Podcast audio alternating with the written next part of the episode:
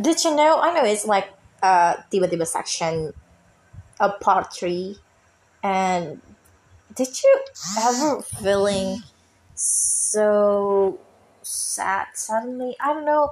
It's not my closest closest that to you know what period it's like long way to go because i only end up at the end of the month and i got periods so basically this is not my periods. Pre period you know what i meant right? And suddenly i became so fucking sad. Even after i eat what i want to eat like the greatest chicken of Pak Gembus that really insane and like very good, very big, and I'm so loving it. I'm feeling sad because of everything because someone texts me back on a way that I don't like it because it feels like he kept down on me or I don't know what's what's happened, but it feels like that and suddenly I sad about everything. Like I'm watching a Modern Family like until ten seasons, and it feels like, what am I gonna do? What I'm keep, you know, what keep keep afraid. I'm keep running. There's something that I don't know what I want to running about.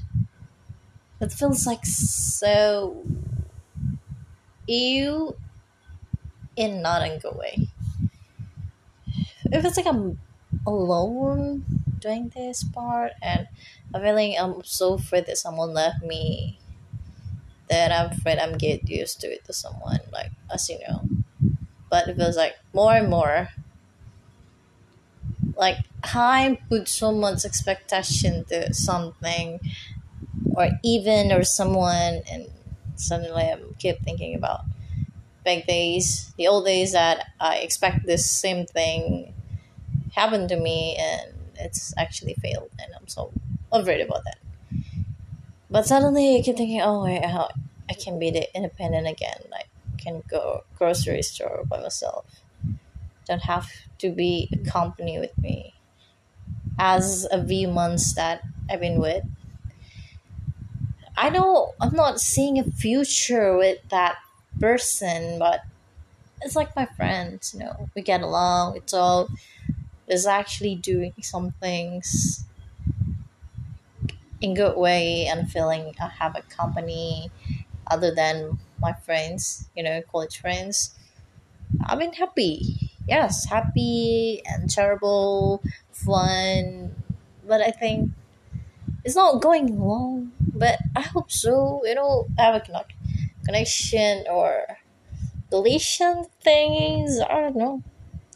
Feels freaking out about everything. What's happened with me? Like, what's really happening? I'm just like questioning all the questions on my fucking head, on my mind, on my heart, and everything. My body language too. I keep thinking about that things and I'm still waiting for the rainy days coming because it's been a long fucking day. Not rainy on my place. So, I hope today is gonna be the day the rainy comes and all the freaking outs going away because I want a fun day coming. this is so hot.